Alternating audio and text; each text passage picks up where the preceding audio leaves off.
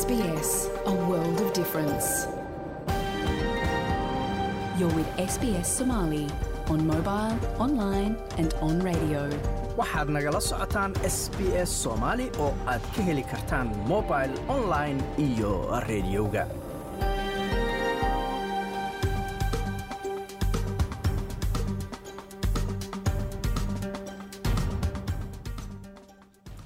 habeen wanaagsan dhammaantiinba meel kastoo aad joogtaan waa habeen jimcaha bisha oktoobarna ay tahay toddobo sannadka labada kun iyo labaiyo labaatanka halkaad naga dhegaysanaysaanna waa laanta af soomaaliga ee idaacadda s b s oo idinkaga imanaysa stuudioga aanu ku leenahay magaalada melbourne. Magacayguna waa xasan jaamac. Waxyaalahaad caawa ku maqli doontaanna waxaa ka mid ah laakiin in magaalada xamar hoteelo la jiifo maalin walba kamaro la hor istaago wax muuqdana aysan dhicin. Wax aad iyo aad looga xumaado xataa meesha waxaa ka maqan maamulka hirshabelle oo ahaa iyagu inay hawshan hogaamiyaan guddoomiye gobolaa hogaaminaya boqol barlamentariana madaxweyne madaxweyne ku-xigeen waa mid kale oo ka mid a jaaliyadda oo aragtidiisa ka dhiibanaya dagaalka looga soo horjeedo kooxda al-shabaab gaar ahaan gobolka hiiraan. Sidoo kale waxaad maqli doontaan sababta haweenka iiraan qaar ka mid a ay timaha isaga jarayaan. Arrimahaas iyo kuwo kale ayaad maqli doontaan marka horese wararka caawana waxaa ugu waaweyn antony albanisi waa ra'iisul wasaaraha dalkan australia ayaa taageeray in warbaahinta dhaqamada kala duwan ee s b s oo haddaad naga dhegaysanaysaan xarunteeda loo wareejiyo galbeedka sydney isagoo ra'iisul wasaaruhu intaa ku daray in tallaabadana ay tahay mid macno weyn samaynaysa. Tailandna waxay weli isku dayeysaa inay jawaab u hesho dilwadareedkii ugu xumaa dalkaasi ee soo mara xisbiga greenkuna waxa uu mar kale ku celiyey baaqoodii ahaa in laba sano gebi ahaanba la joojiyo in la kordhiyo lacagaha kirada ee dadka guryaha kirista ay bixiyaan. Haddii kale waxa ay ku hanjabeen inay markaasi hor istaagayaan shuruucda ama hindisa sharciyada dowladda federaalka oo ay ku hor istaagayaan aqalka sanadka wararkaas iyo kuwo kale ee u diyaar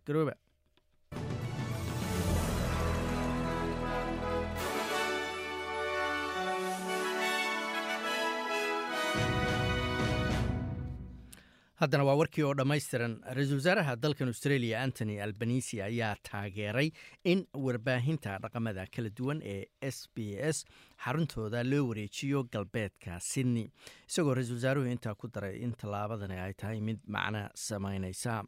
Xarunta warbaahinta s b s ee hadda ayaa ku taalla xaafadda ataman ee waqooyiga magaalada sydney.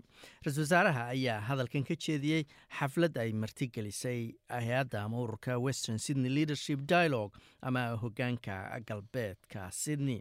Master albanisi ayaa sheegay in tallaabada noocan ah ay maalgelin dhaqan oo muhiima u tahay galbeedka sydney waxaana uu xaqiijiyey in la bilaabay daraasad lagu ogaanayo suurtagalnimada hindisahan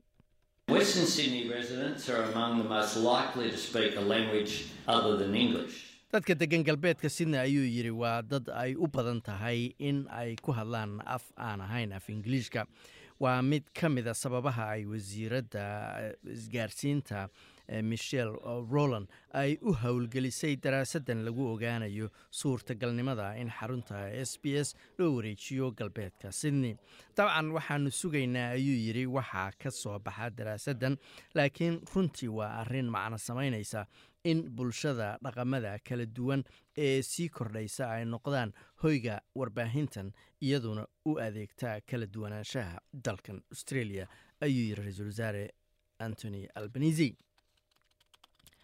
dowladda northern territory ayaa mamnuucaysa isticmaalka jawaanka ama marada xiran ee markaasi madaxa loo geliyo dhalinyarada xabsiga ama boolisku ay hayaan oo la yidhaahdo speed hoods tan oo looga hortago in markaasi askarta ama dadka xiray dhalinyaradaasi ay candhuuf ku tufaan sida magacaba ka muuqata arrintan ama jawaankan ayaase loo sii isticmaalayaa baa layidhi dadka qaangaarka ah markii loo baahdo. Balse aboriginal medical service alliance oo ah hay'adda u ololeysa dadka aboriginaalka ayaa isku raacday in mamnuuciddan loo baahan yahay in la sharciyeeyo. Sidoo kale ururkan ayaa sheegay in mamnuuciddan loo baahan yahay in la ballaariyo oo la ballaariyo la gaarsiiyo dhammaan dadka degan northern territory ee xabsiyada ama markaasi u xiran booliska ama hay'adaha ammaanka. Afar kun iyo boqol qof ayaa gobolkan victoria ugu dhintay covid sanadkan labada kun iyo labaiyo labaatanka afartan iyo saddex qof ayaa asbuucan ama toddobaadkan ku geeriyooday gobolka iyadoo tirada guud ee gobolkan victoria ugu dhimatay covid nneteenka wixii ka dambeeyey markii faafkan uu bilowday ay yihiin shan kun iyo toddoba boqol iyo kow iyo toban qof. Victoria ayaa diiwaan gelisay sagaal kun iyo laba boqol iyo soddon kaysoo covid nneteen toddobaadkan taasoo laba boqolkiiba ka yar tii toddobaadkii hore tirada dadka xanuunka hadda qaba ee gobolka victoria ayaa ah baa layidhi toddoba kun iyo afar boqol iyo shan iyo toban taasoo ka yar markii uu xanuunkan ama dadka xanuunka qaba ee heerkii ugu sarreeya gaareen oo markaasi ay ahaayeen toddobaatan iyo kow kun afar boqol iyo labaatan iyo toddoba qol qof taasoo ahayd labaatan iyo saddexdii julaay ee sanadkan gobolka ayaa dadka qaatay tallaalka saddexaad hadda waxa ay gaareen toddobaatan boqolkiiba dadka da-doodu ka weyntahay lix iyo toban. Halkaad weli nagala socotaan waa laantaaf soomaaliga ee idaacadda s b s. Xisbiga greenka ayaa ku celiyey baaqoodii ahaa in laba sano aan la kordhin markaasi kirada guryaha waxayna sidoo kale ku hanjabeen inay sanadka ku hor istaagayaan shuruucda guryaha ama hindisaha shuruucda guryaha ee dowladda haddii aan codsigooda la fulin. Hindisaha greenka ayaa waxaa ka mid ah in dalka oo dhan lagu soo rogo sharci dhigaya inaan kirada la kordhin karin muddo laba sanaa wixii ka dambeeyana kordhin dambe haddii la sameeyo xad aysan dhaafi karin loo gooyo ama loo sameeyo dowladda albanisia ayaa ku tala jirta inay baarlamaanka horgeyso hindisa sharciyeed lagu dhisayo soddon kun oo guryo ah oo jaban ama raqiisa max janler oo ah afhayeenka greenka u qaabilsan arrimaha guryaha oo isaga iyo aadan ban ay hogaamin doonaan wadahadalka dowladda ayaa sheegay in qorshaha layborku ay dhibka hadda jira ee arrimaha guryaha ugaba sii dari doonto The Greens have been, Adam and I have been empowered to go into negotiations with the federal government on their Housing Australia. xisbiga greenka aadam iyo anigu waxaan awoodna loo siiyey buu yidhi inaan wadahadal dowladda kala galno sharciga guryaha mustaqbalka hindisa sharciyeedkaas oo xudun u ah buu yidhi istaraatiijiyadda guryaha ee dowladda federaalka waana mid runtii dhibaatada guryaha uga sii daraysa. Waxaan ognahay buu yidhi inay markii u horreysa ay qorsheynayaan inay dhisaan labaatan kun oo guri oo loogu talagalay dadka dakhliga yar iyo toban kun oo kale oo jaban shantaa sana oo soo socda. Dhanka kalena waxba u qaban mayaan ayuu yidhi dadka guryaha kiraysta waxna u qaban mayaan dadka hadda degan guryaha dowladda wararkii dibaddana tailan ayaa weli isku dayeysa inay jawaab u hesho dil wadareedkii ugu xumaa dalkaasi oo ka dhaca. Nin hore u ahaan jiray boolis ayaa u isticmaalay qori iyo mindi inuu ku laayo carruur iyo shaqaalihii xarunta carruurta lagu xanaaneeyo oo ku taala waqooyi bariga dalkaasi. Inta dadka la laayey inta badan dadka la laayay aandhehe ayaa ahaa carruur. Askarigan hore ee booliska ayaa shaqada laga eriyey bishii juun kadib markii la ogaaday inuu isticmaalo maandooriye. Ninkan ayaa isdilay markuu gurigiisa ku dilay xaaskiisa iyo ilmo yar oo u dhalay. Ra'isul wasaare ku-xigeenka dalkaasi waa tailan ee anutin janviracul ayaa cisbitaalka ku booqday dadkii ka badbaaday weerarka All of the victims who were injured are in good hands with the doctors at the hospital. dhammaan dadkii ku dhaawacmay weerarka waxay ku jiraan buu yidhi gacmaha fiican ee dhakhaatiirta cisbitaalka qof kasta oo dhaawac culus qaba waxaa loo dirayaa ama loo gudbinayaa buu yidhi gobolka udontani waxaa jira dhaawacyo culus iyo kuwa xaaladoodu ay fiican yihiin laakiin waxa muhiimka ah buu yidhi waa siday caafimaadkooda maskaxdu uu u soo kaban lahaa. Taageerana loo siin lahaa ayuu yidhi qaraabada dadka waxyeeladu ay ka soo gaartay weerarkaasi. Haddii adiga ama qof aad taqaanid uu taageero u baahan yahay waxaad la xiriiri kartaa baa layidhi lifeline oo laga helo lambarka hal saddex hal hal hal afar ama beyond blue oo laga helo hal saddex eber eber laba labo afar lix saddex lix. Wararka dibadda ayaanu weli ku jirnaaye ruushka ayaa caro xooggan ka muujiyey khudbo uu madaxweynaha ukraine volodimir zelenski u jeediyey hay'ad australiana. Khudbadaas uu ka jeediyey macadka lowi ama lowi institute ayuu madaxweynaha ukraine madaxweyne zelenski waxa uu ugu baaqay australia inay taageerto ukraine. Marka la gaaro ama fadhiga qaramada midoobey asbuuca ama toddobaadka soo socda isagoo tixraacay ama markaasi soo qaatay hanjabaadda mooske ee ku saabsan inay isticmaalayso hubka nukliyerka waxa uu sheegay in nato looga baahan yahay inay weerar ka hortag ah ku sameeyaan ruushka si meesha looga saaro in ruushku uu isticmaalo hubka nukliyerka laftigiisu. Laakiin haddii valadimir putin aan la joojin ayuu yiri wuxuu sidoo kale qabsan doonaa ama la wareegi doonaa dalal kale. Dimitri pescof oo u hadlay aqalka laga xukumo ruushka ee kremlinka la yidhaahdo ayaa markaasi cambaareeyey hadalka madaxweynaha ukraine isagoo sheegay inuusan wax kale ahayn ee ay tahay oo keliya inuu codsanayo in dagaal weyne adduunka oo mar kale la bilaabo. Kaasoo buu yidhi aan la qiyaasi karin waxa ka dhalan kara iyo dhibaatada weyn ee uu abuuri karo ayuu yidhi afhayeenkaasi jaa-isada ama abaalmarinta nobel braiska ee suugaanta ayaa waxaa la siiyey ani no oo markaasi qoraayad u dhalatay dalka faransiiska. Haweeneydan oo siddeetan iyo laba jira ayaa noqonaysa ayaa layidhi haweentii faransiis ahayd oo ugu horreysay oo la siiyo markaasi abaalmarinta abaalmarinta andhehee suugaanta ee markaasi nobel briceka haddana waa dhankii waxaanu soo gaarnay saadaasha hawada magaalada beth waa cadceed iyo labaatan iyo saddex waa berito oo sabtiya bishuna ay tahay sideede adelaid qayb ahaan daruur iyo lix iyo toban digrii melbourne xoogaa roobaba ayaa la filayaa iyo shan iyo toban digrii magaalada sydneyna roobab sii badanaya ayaa la filayaa iyo labaatan iyo saddex digrii halka brisbane qayb ahaan aad daruur tahay iyo labaatan iyo lix digrii halka australian dollar maanta waxaa lagu sarifayey lixdan iyo afar senti oo lacagta maraykanka. Ah haddana waa qadar kale oo sboortiga uu noo soo diray wariyahayaga magaalada muqdisho. Aan ku bilaabo xubinta isboortiga xulka kubadda cagta ee soomaaliya ee da-dooda ka hooseyso toddobiyo tobanka sano ayaa xaqiijiyey inay u soo gudbeen semifinalka koobka kubadda cagta toddobiyo toban jirada ee bariga iyo bartamaha qaaradda afrika ee ka socda dalka ethoobiya kaasoo loogu soo gudbayo ciyaaraha toddobiyo toban sana jirada qaaradda afrika ee kaaf ee laba kun saddex iyo labaatanka ka dhici doona dalka aljeeriya xulka toddobiyo toban sana jirada soomaaliya ayaa ku xaqiijiyey inay soo gaareen qaybta labaad ee tartankan kadib markii kulankoodii koowaad ay guuldaro direen xulka martigeliyaasha koobkan ee ethoobiya ciyaartii xiisaha badnayd ee ku tirsanayd gruupka e oo ay wada ciyaareen maalmo ka hor hase yeeshee xulka ethoobiya ayaa kulankoodii labaad ee dhanka gruupka laga adkaaday markii ay la ciyaareen xulka tanzaniya oo gruup ay ka wada tirsan yihiin waxaana xulka ethoobiya looga adkaaday saddex gooli labo taasoo gebi ahaanba tartanka isaga hartay waxaana hadda qaybtan ee ka soo gudbay xulalka soomaaliya iyo tanzaniya oo sagaalka bisha ciyaari doona kulamadoodii labaad ee dhanka gruupka haddana waxay labada xul xaqiijiyeen inay u soo gudbeen semifinalka tartankan. Guddoomiye ku-xigeenka koowaad ee xiriirka kubadda cagta soomaaliya cabdulaahi sheekh nuur ayaan weydiiyey dareenka xiriirka kubadda cagta dalka soomaaliya guusha weyn ee xulka uu soo hoyey zaciimka aad iyo aad ayaad u mahadsan tahay.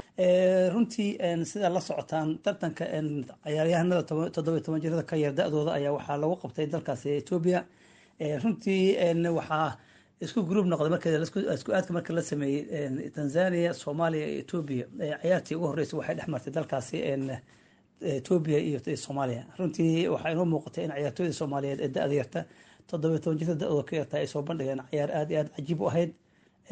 Waxayna sameeyeen yanaa bandhig aad u qurux badan ee aan la maleysayn dadka qaarkood ay ogeen balse macalimiinta iyo dadka hogaaminaya ama xiriir soomaaliya kubadda cagta mas'uuliyiinteeda kala duwan waxaa suurto gashay in la geliya sanadkan waqti aad iyo aad u qurux badan ee markaas ay kaga faa'iideysan karayaan in ay ku soo bandhigaan yani tayadooda ee markaas macalimiintoodii ayagoo markaa iskaashanay haddii aan lidmo runtii waa wax farxad leh in maanta aan taaganahay ee semi finalkii kadib maanta ciyaartii dhacday. Ku aadaneed tanzania iyo etoobiya in ay ciyaarta ku dhamaatay saddex iyo labo maadaama markaas etoobiya laba jeer laga badiyey semi finalkii ja waxaa u soo gudbay tanzania iyo maxay ahayto soomaaliya daayartooda todobiy toban jirada ka yar runtii aad iyo aad bay u farxad badan tahay lama qiyaasi kara yani farxadeeda iyo sida aan maanta ugu qanacsanahay maadaama aan ogaa kalsoonina ku qabay macalimiinta hogaaminaysay inay ahayn dad aad iyo aad u qiimo badan ee farsamadooda iyo taatiigooda u ahaa mid aad iyo aad u sarreeya.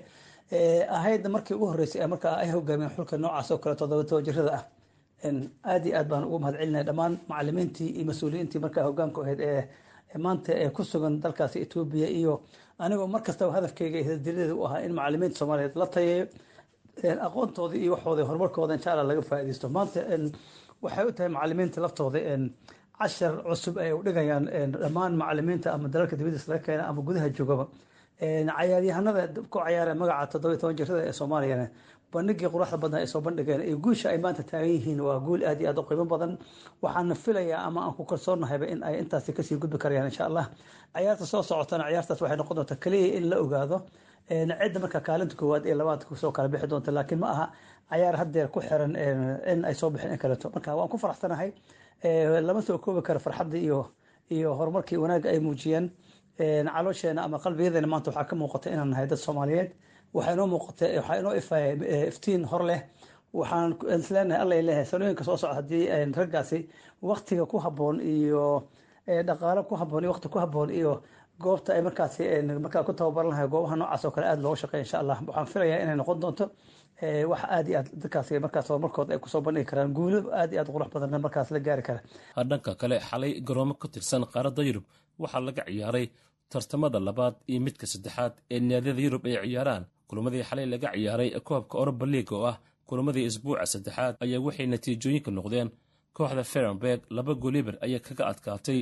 Kooxda layidhahdo nantis ee dalka faransiiska qarabakh saddex eber ayay jirtay kooxda olombiakos ee dalkaasi griiga iyadoo kooxda layidhahdo sad glison labaiyo hal ee kaga adkaatay kooxda braga. Natiijo taa la mid ah kooxda betis ee dalka sbain ayaa jirtay kooxda rooma ee caasimadda dalka talyaaniga iyadoo ka dhisan. Vanderbaj oo turkiga ahna waxay labi eber ku dhufatay kooxda layidhahdo ig lamesa iyadoo kooxda renis ee dalka faransiiska laba gooli hal ay ku dhaaftay dinamo kiev kooxda reer london ee arsenal saddex eber ayay kaga badisay. Kooxda bood kooxda svena sverda afar iyo hal ayay ku dhufatay naadiga vendecravos iyadoo union berlin gooli eber ay ku dhaaftay kooxda maalmo. Manchester united ciyaar soo laabasho cajiib lahayd ayay kaga adkaatay saddex gooli labo. Kooxda ka dhisan cyprus ee layidhahdo omonia. Ciyaaryahan marcos rashford ayaana muhiim u ahaa guusha kooxda manchester united kaasoo laba ka mida saddexdii gool ay ku adkaadeen isagu shabaqa dhigay halkaad weli nagala socotaan waa laanta af soomaaliga ee idaacadda s b s. Waxaa noo soo socdaa wareysiga mid ka mid a xubnaha jaaliyadda dalkan australia gaar ahaan magaalada sydney. Waa sheekh cabdulqaadir jimcaale oo aanu ka wareysanay dagaalada looga soo horjeedo al-shabaab ee dhowaan ka bilowday gobollada dalka qaarkood gaar ahaan gobolka hiiraan. Marka horese toddobaadyadii u dambeeyey waxaa dalka iiraan ka socday dibadbaxyo looga soo horjeedo dowladda markaasi iiraan gaar ahaan ciidanka booliska qeybtiisa anshaxa kadib markii gabar labaatan iyo laba jira la sheegay inay ku dhimatay gacanta ciidankaasi. Dibadbaxyadaas ayaa sidoo kale waxay taageero ka helayeen dibadaha oo markaasi dad badan oo caana iyo waddamada qaarkood dibadbaxyo lamida laguna taageerayo ay ka jireen. Warbixin arrintaasaan ka diyaarinayna waatan waxaa weli socdaa rabshadaha ka dhashay gabar dhalinyaro ah oo iiraanyada oo la sheegay inay ku dhimatay gacanta booliska dalkaas bishii sebtembar lix iyo tobankeedii. Geerida mahsa amiini oo labaatan iyo laba jir ahayd ayaa kicisay kacdoonkii ugu ballaarnaa ee iiraan ka dhacay wixii ka dambeeyey labadii kun iyo sagaaliyo tobankii. Iyadoo dad badan oo caalamka oo dhan ku suganna ay hadda raadinayaan qaab ama si ay ku garab istaagaan dhaqdhaqaaqan ku dhowaad saddex toddobaad ayaa ka soo wareegtay markii mahsa amiini oo labiyo labaatan jira kurdi iiraanina ah ay dhimatay iyadoo u xiran booliska loo yaqaano booliska anshaxa. Laakiin kacdoonka ka dhashay geerideeda ayaa weli u muuqda mid aan qaboobayn. Ardayda dhigatay jaamacadda iyo iskuullada iiraan oo dhan ayaa u mudaharaaday taageerada xuquuqda haweenka iyo sida ay uga soo horjeedaan taliska aadka muxaafidka u ah ee islaamiga ee dalka ka taliya. Muuqaal ay jiritaankiisa xaqiijisay shirkadda warbaahinta ee associated press ayaa muujinaysa arday fadhi ku mudaharaadaya jaamacadda sayniska iyo teknolojiyadda ee magaalada teheraan luuqadda faarsiga ayay ku lahaayeen ardada daacadda ahe nataageera nataageera halka muuqaal kale uu muujinayay dibadbaxayaal kale oo wata calaamado ama halkudhegyo ah hala sii daayo ardayda xorriyaddu waa xuquuqdeenna. Muuqaalada noocan oo aan kulligood la xaqiijin inay sax yihiin ayaa aad loogu qaybiyey baraha bulshada waxaana sii faafiyey kooxaha u dooda xuquuqul bini'aadanka mid lagu daabacay b b c da ayaa muujinaysa koox gabdho iskuuley ah oo gacanta ku lulaya xijaabiyo kuna qaylinaya xorriyad iyagoo sidoo kale ku qaylinaya ama la murmaya xubin ka tirsan ciidanka. Sida gaarka u tababaran ee aadka looga boqo ee loo yidhaahdo basiij force ama xoogga basiij ciidanka basiij ayaa isniintii waxaa awood buuxda u siiyey hogaamiyaha sare ee iiraan ayatollah ali khameni inay gacan bir ah ku qabtaan dibadbaxayaasha. Kooxaha u dooda xuquuqul bini'aadanka ayaa ku eedeeyey ciidankan dil garaacid iyo xarig tirodada wakiilka amnesty international u jooga dalka talyaaniga tina marineri ayaa sheegtay inay aada uga walaacsan yihiin waxaa ku dhacaya dadka iiraan gudaheeda cabashooyinka ama dibadbaxyada ka muujinaya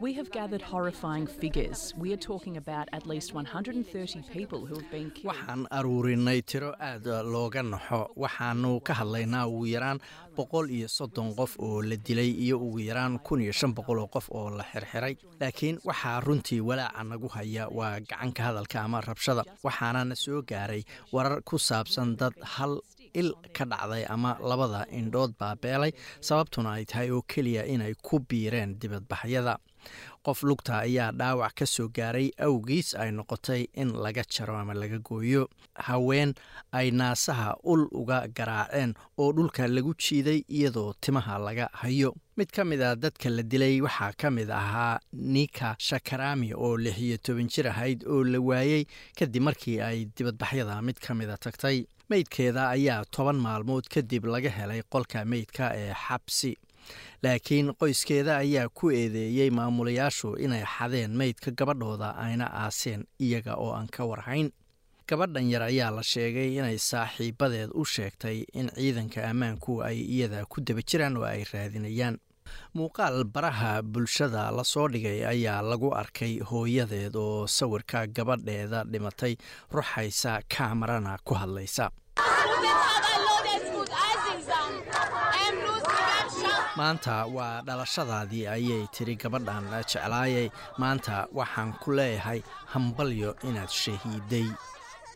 Kacdoonka iiraan ayaa soo jiitay dad adduunka oo dhan ku sugan oo uga qaybgalaya dibadbaxyo ka dhacay magaalooyin badan ama qabtay noocyo kale oo cabashooyin ama dibadbaxya haween badan ayaa timaha iska jaray taasoo astaan weyn u ah sida ay uga soo horjeedaan nidaamka labiska haweenka iyo gabdhaha ee adag oo amraya in haweenka iyo gabdhuhu xirtaan dhar aan jirkooda ku dheganayn iyo inay madaxa ama timaha dabooshaan abir al sahlani oo ah xildhibaanad swidisha kana tirsan baarlamaanka yurub ayaa maqas la soo baxday si ay u jarto timaheeda dheer mar ay mowduucaasi kaga hadlaysay baarlamaanka gudihiisa.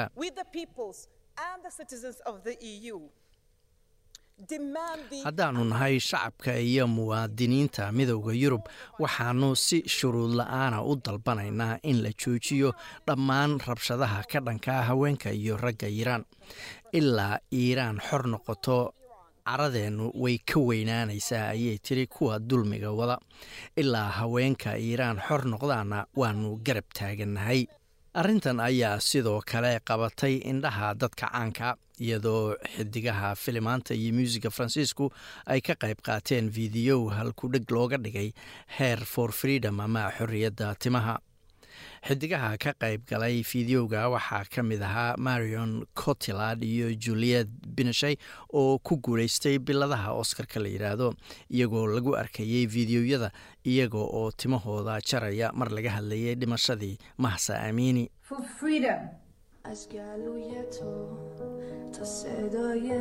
barnaamijyada ka baxa telefishinada maraykanka ayaa sidoo kale taageero u muujiyey arrintan barnaamijka daily show oo uu wado ama madaxu yahay trevor noah ayaa dadka ka qosliyey isagoo sharaxaya isku daygii taliska iiraan uu isku dayey inuu maraykanka iyo israa'iil ku eedeeyo kacdoonka trevor ayaa sidoo kale dibadbaxayaashan u mahad celiyey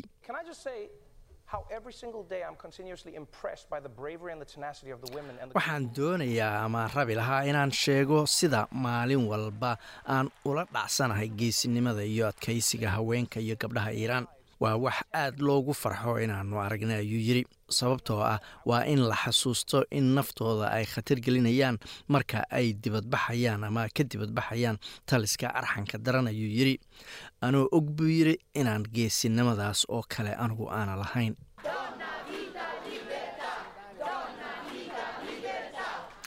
kulan taageero loogu muujinayo oo ka dhacay caasimadda talyaaniga ee romna dibadbaxayaashu waxa ay ku qaylinayeen haween nolol iyo xorriyad. Saddexdaas kelmadood oo halkudheg u noqday dhaqdhaqaaqan dibadbaxahan iiraaniga ah oo la yidhaahdo daniel wuxuu soo qaatay calanka dalkiisa oo uu markaasi isku tallaab saaray astaanta ku dhex taal calanka ee kacaanka iiraan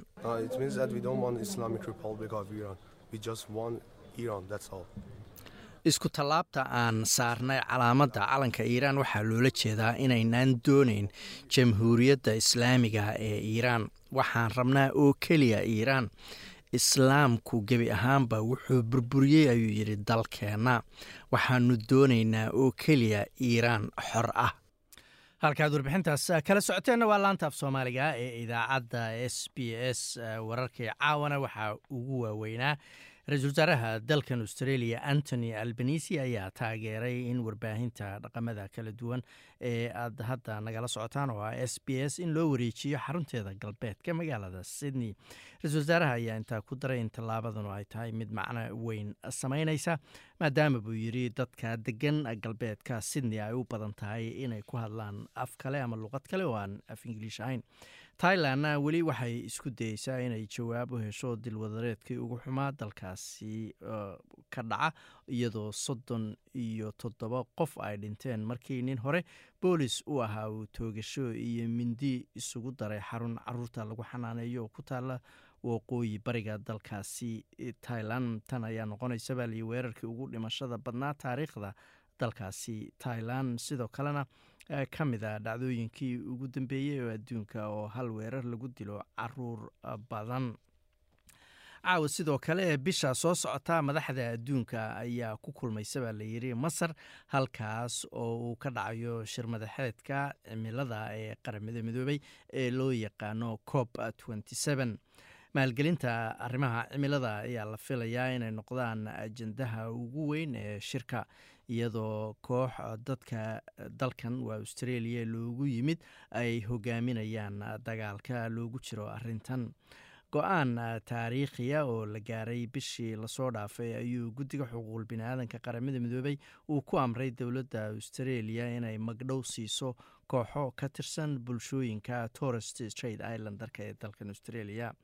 Haddana kayskooda ayaa markaasi la yaalla shirka caalamiga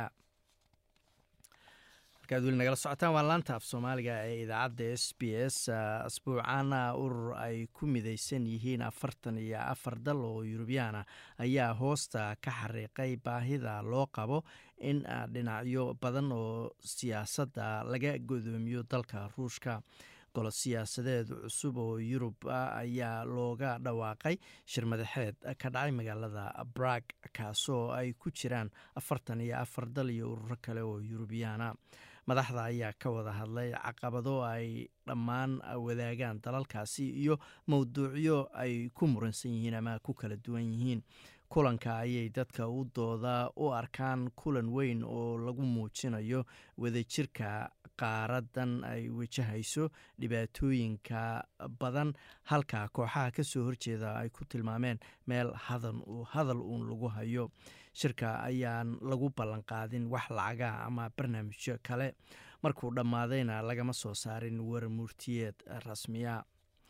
Dhanka kalena urur ay ku midaysan yihiin dalalka soo saara shidaalka ayaa isku raacay inay dhimaan wax soo saarka shidaalka iyagoo ku dhawaaqay inay dhimayaan in ka badan wixii laga filayey wax soo saarka ayay dhimayaan baa la yiri laba milyan oo fuusto maalintiiba laga bilaabo bisha soo socota taas oo ciriiri sii gelinaysa baa layidhi suuqyada shidaalka.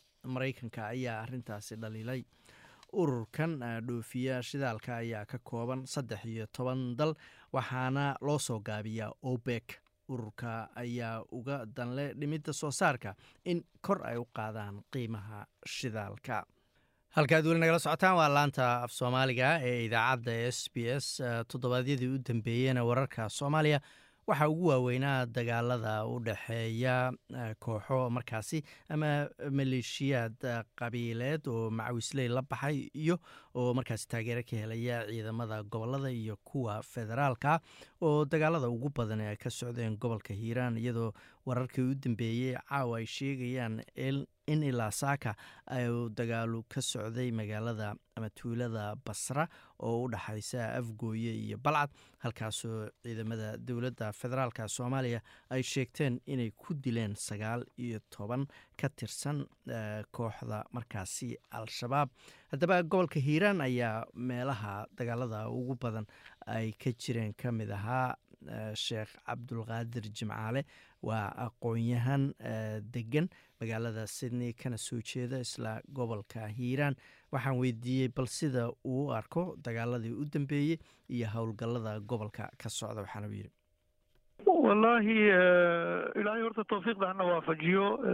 Dagaalna sidiisu ma aha wax haboon ummaduna waxay ku aada iyo aada ugu naaloon kartaa nabad iyo baraare iyo isfaham dagaalkuna sidiisaba waxa ugu dambeeya qofka bani aadamka uu ku ilaashado xorriyadiisa iyo sharafkiisa.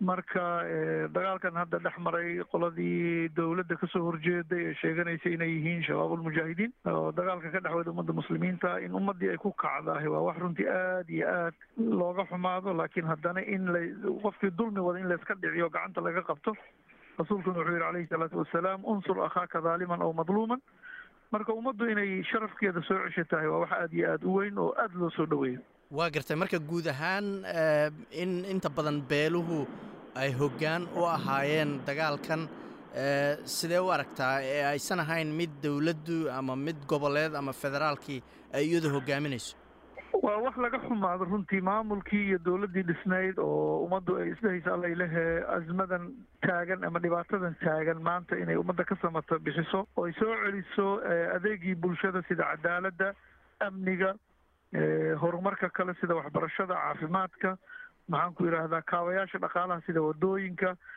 isku xirka magaalooyinka iyo gobollada in dowladdii ay ka gaabiso oo maanta ay shacabkii masaakiinta ahaa ee weliba baadiyaha deganaa ay ay noloshoodii iyadu dhaheen ma qaadan karno dulsaar iyo cadaadis. Nooga imaanayo dad aan wakiilna naga ahayn cid ay wakiil ka yihiinna aysan jirin. Xaqna aan lagu maamulaynin. Runtii waa wax aada looga xumaado. Laakiin wax walba meel bay ka bilowdaan. Shacabku inuu inta kaco maanta ay dowladihii isdaba joogay ee waxba ka qaban waaye arrintan ay tusiyaan in layska dhicin karo qofka dhaalimka ah. Waa wax runtii aada iyo aada loogu riyaaqo. Wax walbana waxbay ku bilowdaan. Ha ku bilaabato mas'aladu mas'alo reer oo dhibaatooday. Reer walbana waa dhibaataysan yahay. Ama ha ku dhibaataysnaado dowlad xumo jirto ama ha ku dhibaataysnaado koox iyadu rabto danaheeda gaarka ah oo xukun doonka ah marka arrintaas waa arrin la soo dhaweeyo waxaan rajaynaa tuulooyinka iyo degmooyinka iyo beelaha kale iyo ganacsiga iyo qayb walbo ay taabatay kooxahan ayagu dantooda sita ama dowlad aan ahayn dowlad saxa oo aan aan qaadaynin tallaabada in la tusiyo dariiqa waa wax aada iyo aada u habboon. Waa gartay qarax ama saddex qarax baa ka dhacay magaalada beledweyne dhowaan oo dad badan ay ku dhinteen dad baa dhaliila u soo jeedinaya hay'adaha amniga inaysan awoodin inay ka hor tagaan qaraxyadaasoo kale dhaliilo kaloo loo soo jeedinayaa jira maamul goboleedka hirshabeelle. Ma la qabtaa dhaliilahaas? Weliba mid ka weyn baan la qabaa. Sababtu waxay tahay qofka marka loo dhiibo howl mas'uuliyiintu iyagaa mas'uulka ah amniga garsoorka iyo cadaaladda iyo horumarinta bulshada dib u soo celinta adeegii bulshada oo asaasiga ahaa. Marka in ay ka gaabiyaan amnigii waa arrin aada iyo aada u fool dhaqaala lagu siiyaa dowlad mushaar bay ku qaataan mansab ay ku fadhiyaan. Caawa haddii layaa jagada lagaa qaaday wuxuu tegayaa qofkaas reerihiisii odagiibu u tegi wuxuu leeyahy waa lay dulmiyey reer hebelnimaa laygu dulmiyey. Hawshiina ma gudanayo. Maanta magaalo yar oo haddii la qiyaaso dherarkeeduna uu yahay waxaan toban kilomitr ka badnayn. Baleeceeduna yahay wax toban kilomitr ka yar. In la garan waayo dadka deganna ay shaqaanaan. In la garan waayo baabuur laga soo buuxiyey intaas oo qaraxa oo intaa la eg taasu ma aha xataa gabid howlgabid ma aha. In lala shaqeeya xataa way dhici kartaa oo dad ka tirsan maamulka ay la shaqeeyaan xataa way dhici kartaa. Marka ma aha wax sahlan. Midda labaad qaraxu wuxuu tilmaamayaa horey u dhacday waddanka ciraaq. Markii laga adkaaday kooxaha waxay bilaabi jireen wax layihahdo soft target. Meelaha laga jilcan yahay suuqyada iyo waxaa lamida inay inay inay inay bamba dhex dhigaan marka in intaasoo qof ay ku geeriyooto bambooyinkaas maanta diinna maaha caqlina maaha dadnimona maaha dowladnimona maaha bani aadamnimona maaha wax lagu tilmaamaa lama dhici karo laakiin arrin dadka isku tilmaamaya inay yihiin hoggaanka security-ga ama hoggaanka nabad ilaalinta ama ha noqdaano nabad sugid ama ha noqdaano bolice ama ha noqdaano military aad bay u foolxun tahay. Waxaasoo kale anoo mas'uula horteeda ay ka dhacaan waa gartay madaxweyne xasan sheekh maxamuud siduu xilka u qabtay. Dabcan wacad buu ku maray in kooxdan la tirtiri doono lala dagaalami doono. Markaad sa fiirisa dowladda federaalka istaraatiijiyadeeda iyo taageerada ay u fidinayaan beelaha iyo gobollada dagaalka ku jira maxaad adigu kula talin lahayd ama maxaad is leedahay? Waa looga baahan yahay inay sameeyaan waa run soomaalida waxaan waxaa raadii muqdisho laga qaadi jiray hays barnaamijka beeraha ka bixi jirto la yidhaahdo. Afka hadal ka soo baxay adduunyada dhammaanteed kama bi'iyo oonka ogsoonow madaxda soomaalidu inay isku sawiraan bulshadu horumarkay gaarto caaday u leeyihiin.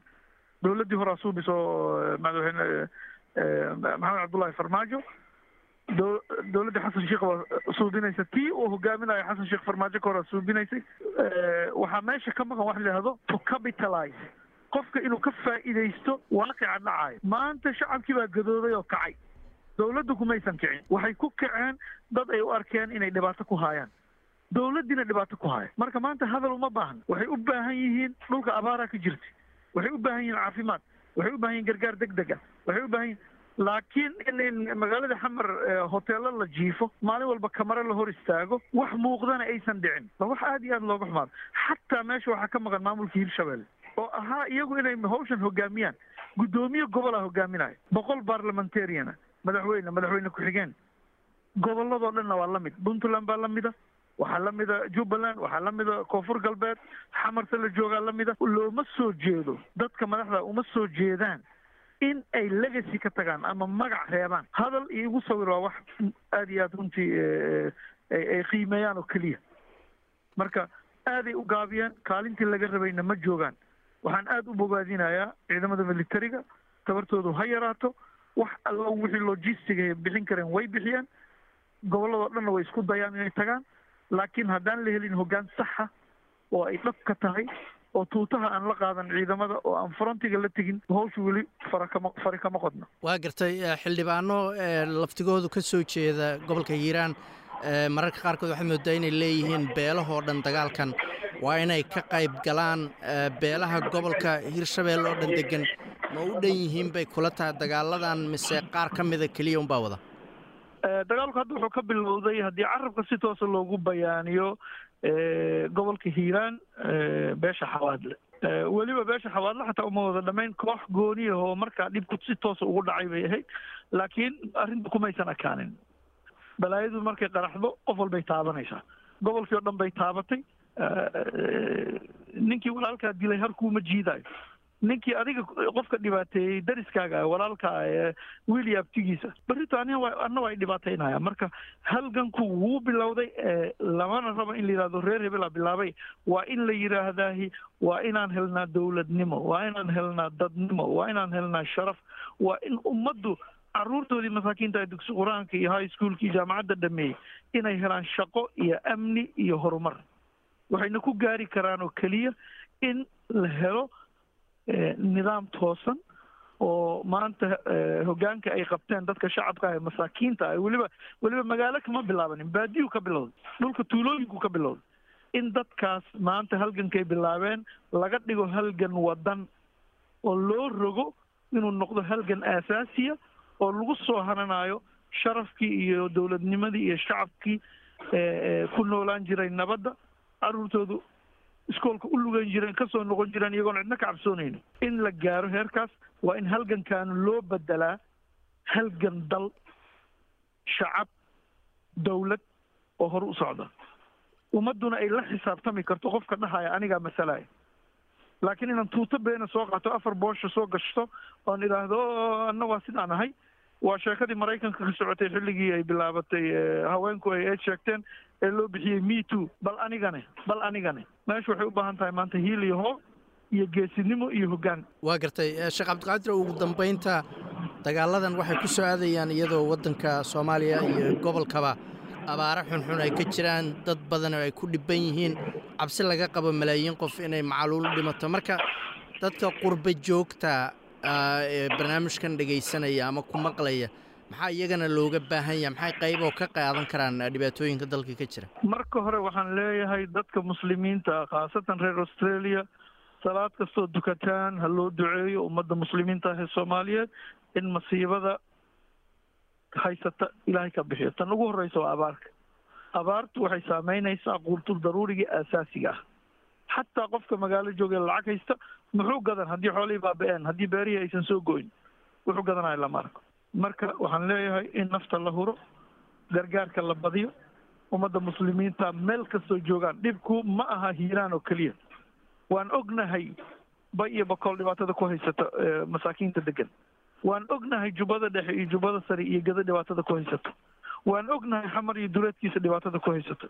Waan ognahay shabeellada hoose dhibaatada ku haysato. Oo maanta nimankan soomaaliya adduun oo dhanba ka soo horjeestay adeegsanayna magacii diinta iyo islaamka. Dhibaataday ku haayaan marka in qof walba meel kastood wax ka tari karto ummadda ilaa somaliland puntland maxaan ku yidhahdaa galmudug hirshabeelle koonfur galbeed jubbaland ummaddu waa wada baaba'san tahay. Hala kala darnaado. Dhibaatadu ha kala weynaato laakiin dhexda aan xidhanno qof walba wax alla wixii aad kari karto. Ku taageer ummadda muslimiinta ee soomaalida. Waxa aniga adiga naga soo eriyey waa nabad daro waa waa waa waa dhibaato ijtimaaciya oo oo hari weysay. Maanta in ilaahay naga bixiyo ummaddaas u istaagtay xaqdarrada inay iska ridana inay noqoto widespread. Wax ku fida bulshada oo dhan soona celiya cadaaladii iyo sinaantii iyo walaaltinimadii iyo sharafkii inay noqotaan rajaynaya insha allahu tacaala in wax alla wixii taageer taageero oo la fidin karana la fidiyo. Ka rajaynaya ummadda muslimiinta australia degan ha iloobin dalkii iyo dadkii aad ka timid carruurtaadana bar. Una sheeg in dadka ka dambeeyaahi ay yihiin cid ay ku abtirsanayeen maantana waxaan u baahannahay qalbiga iyo gacantaba inaan kala jirno ummadda walaalaheena masaakiinta. Hadday horumaraan annagaa horumarayno. Hadday dhibkay ku jireenne annagana dhib uu nagu yahay waana saameynaya horena waa noo saameeyey marka waxaan ka rajaynaya bulshada soomaaliyeed ee australia degan iyo caalamkaba in ay noqdaan horseed kuwa u noqda in laga baxo heeryadana layska rido hoggaan wanaagsan dal wanaagsan ilaahay yaqaana diinta lagu dhaqmo. Ayaan insha allahu tacaala weydiisanaya ummadda soomaaliyeed inay ku ducaysato mar walbo. Yaanan taageerada hiilka ahee gacantaana laga bakiilin ummadda soomaaliyeed. Kaasina wuxuu ahaa sheekh cabdulqaadir jimcaale oo khadka telefoonka ee magaalada sydney iigu warramayey intaas ayaan ku soo gebagabaynaynaa idaacaddeenii caawa waa aniga oo xasan jaamac oo inila intaas iyo nabadgelyo. Waa inoo toddobaadka soo socdaa haddii u eebaydmo